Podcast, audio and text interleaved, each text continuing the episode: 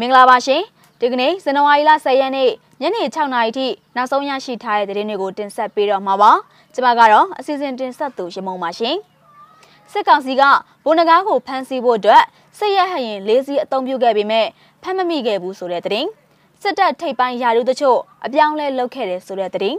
ဒဝဲနီးပညာတက္ကသိုလ်ပေါမုခကကြောက်လာတက်ဖို့အတွက်စားတိုက်ကနေတဆင့်အကြောင်းကြားစာပို့လာခဲ့တဲ့သတင်းတွေအပါအဝင်ဘေးခရိုင်ပေါ်လုံးမြင့်နယ်ကတိုက်ပွဲမှာစစ်ကောင်စီတက်ကြက်တအူအပါအဝင်9ဦးကြဆုံးခဲ့တဲ့သတင်းတွေကိုတင်ဆက်ပေးတော့မှာပါ။ဦးဆောင်သတင်းတပုတ်အနေနဲ့စကိုင်းတိုင်းပလဲမြို့နယ်အုံနောက်ရွာမှာဒီကနေ့ဇန်နဝါရီလ10ရက်နေ့မနက်ပိုင်းက PPDF ခေါင်းဆောင်ဗိုလ်နဂါအဖွဲ့အစည်းအဝေးပြုလုပ်နေတော့မှာစစ်ကောင်စီကရဟရင်လေးစေးအုံပြုပြီးတော့တိုက်ခိုက်ခဲ့တာပဲဖြစ်ပါတယ်။မနက်ကရွာကို ရဟရင်နဲ့ဝိုင်းပစ်ပြီးတော့လူတွေလည်းချသွားတယ်အင်အားကများတယ်တရာကျော်လောက်ရှိတယ်ကန်တောက်ဘက်ကနေလဲကားတွေနဲ့စစ်ကူလာတယ်အခုလဲရွာတွေတဲကိုဝင်ပြီးအိမ်တွေကိုမီးရှို့နေတယ်ရွာထဲမှာလူတချို့တဝက်လောက်တော့ကြံခဲ့ပါတယ်ကျန်တဲ့လူတွေကတော့ထွက်ပြေးသွားပြီလို့အုံနောက်ရွာသားတအုပ်ကပြောကြားခဲ့တာပဲဖြစ်ပါတယ်အဲ့ဒီတိုက်ခိုက်မှုဟာ PPDF ခေါင်းဆောင်ဘုံနဂါးကိုဖမ်းဆီးဖို့အတွက်ကြိုးပမ်းခဲ့တာဖြစ်ကြောင်းဒေသခံတွေကပြောကြားခဲ့တာပဲဖြစ်ပါတယ်ဒါပေမဲ့ဘုံနဂါးကတော့ထွက်ပြေးလွတ်မြောက်သွားကြောင်းကိုသိရှိရတာပါ စစ်တပ်ကရဟတ်ရင်တွေနဲ့လာရောက်တိုက်ခိုက်ခဲ့တဲ့အတွက်အုံနောက်ရွာအပါအဝင်ရွာလေးရွာကရွာသားထောင်ကျော်ဟာထွက်ပြေးတင်းရှောင်နေရတာပဲဖြစ်ပါတယ်။အုံနောက်ရွာဟာအင်ချေ300ခန့်နဲ့လူဦးရေ1000နီးပါးရှိတဲ့ရွာလည်းဖြစ်ပါတယ်ရှင်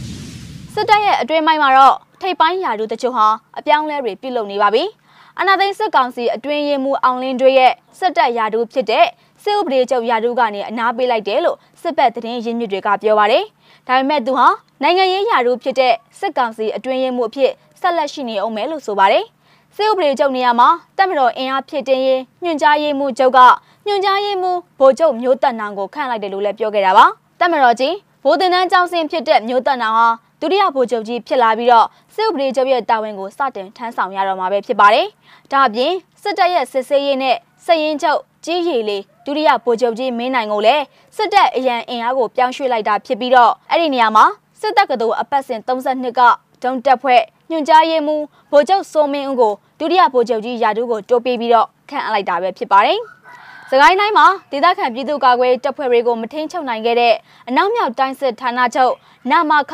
တိုင်းမှုဗိုလ်ချုပ်ဖြိုးတန်ကိုနေဆက်ရေးရဒုတိယဝန်ကြီးအဖြစ်တာဝန်ပေးအပ်လိုက်တာဖြစ်ပြီးတော့ သူ့နေရာမှာစစ်တပ်ကတော်အပတ်စဉ်38ကစကိုင်းတိုင်းကလေးမြို့အခြေဆိုင်အမှတ်30စစ်စင်ရေးကုတ်ကဲမှုဌာနချုပ်တက်မှမှုဗိုလ်မှူးချုပ်တန်းထိုင်နဲ့အစားထိုးလိုက်တယ်လို့စစ်ဘက်အတိုင်းဝိုင်းကပြောခဲ့တာပဲဖြစ်ပါတယ်။လုံခြုံရေးရအမည်မဖော်လို့တဲ့စစ်ရေးလေးလာစောင့်ကြည့်သူတို့ကတော့အနာသိန်းစစ်ကောင်းဆောင်မင်းအောင်လှိုင်ဟာဗိုလ်ချုပ်ငယ်တွေကိုအပေါ်ထိပ်ပိုင်းကိုဆွဲခေါ်နေခြင်းအပြင်စစ်တပ်ကိုသူဩစာခံဖြစ်လာအောင်တိစောက်နေတာလို့ဝေဖန်သုံးသပ်ထားပါတယ်။2017ကတည်းကလူဟောင်းတွေ သူနဲ့ဒန်းသူတွေကိုတလျှောက်လုံးဖယ်ပြီးတော့ဗိုလ်တန်းရွှေတက်ကနေပြီးတော့သူ့တက်ဖြစ်အောင်လုပ်ခဲ့တာအခုဆိုသူ့တက်မှာမှသူနဲ့အပတ်စဉ်အရန်ကွာတဲ့လူငယ်တွေကိုခန့်နေသူနဲ့တိတ်မကွာတဲ့လူတွေကိုဖယ်ထုတ်ပြီးတော့သူ့တစ္ဆာခံတက်ဖြစ်အောင်လုပ်နေတာပဲလို့စိတ်ရေးလိလာစောင့်ကြည့်သူတို့ကပြောကြားခဲ့တာပဲဖြစ်ပါတယ်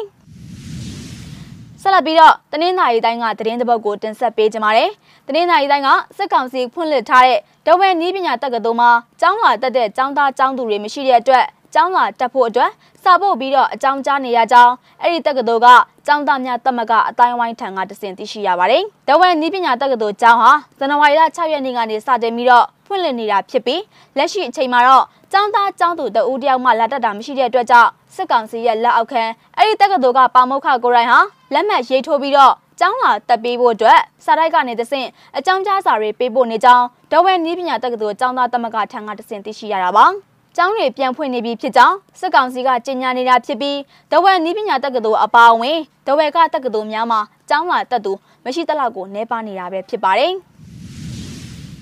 နောက်ဆုံးသတင်းသဘုတ်အနေနဲ့ဘိတ်ခရိုင်ပလောမြို့နယ်ကတိုက်ပွဲမှာစစ်ကောင်စီတက်ကြက်တအူအပါအဝင်9ဦးကြဆုံးခဲ့တဲ့သတင်းကိုတင်ဆက်ပေးကြပါမယ်။ဘိတ်ခရိုင်ပလောမြို့နယ်မှာဖြစ်ပွားခဲ့တဲ့တိုက်ပွဲမှာစစ်ကောင်စီတပ်ဘက်ကတက်ကြက်အဆင့်တအူအပါအဝင်9ဦးကြဆုံးခဲ့တာဖြစ်ပြီးတော့လက်နက်ခဲယမ်းတချို့လည်းတင်စီရမိခဲ့ကြောင်း ပလောပြည်သူကာကွယ်တပ်ဖွဲ့ထံကသိရှိရပါတယ်။ကရင်မျိုးသားအစည်းအရုံး KNU တပ်မဟာလေးနယ်မြေဖြစ်တဲ့ပလောမျိုးနယ်ကြပြရွာနဲ့ပဝက်ဖျားကျေးရွာအတွင်းကိုစစ်ကြောင်းနှစ်ကြောင်းထိုးကဝင်ရောက်လာတဲ့စစ်တပ်နဲ့ပြည်သူ့ကာကွယ်တပ်ဖွဲ့တွေကြားမှာဇန်နဝါရီလ10ရက်နေ့ည9:00နာရီမိနစ်40အချိန်မှာအပြန်အလှန်တိုက်ပွဲတွေဖြစ်ပွားခဲ့တာဖြစ်ပါတယ်။အဲ့ဒီတိုက်ပွဲပြီးမှာတော့ပြည်သူ့ကာကွယ်တပ်ဘက်ကနေမြေရှင်းလင်းနေတော့စစစ်ကောင်စီခလာရ285တပ်ရင်းက တက်ကြက်တူရဲ့ជីပေါက်တန်ရပါသွေးစွန်းနေတဲ့ယူနီဖောင်းတထည်နဲ့လက်နက်ခဲယမ်းတချို့ကိုလည်းတင်စီရမိခဲ့တယ်လို့ပလောပြည်သူကာကွယ်ရေးတပ်ဖွဲ့ရဲ့တာဝန်ရှိသူတို့ကပြောကြားခဲ့တာပဲဖြစ်ပါတယ်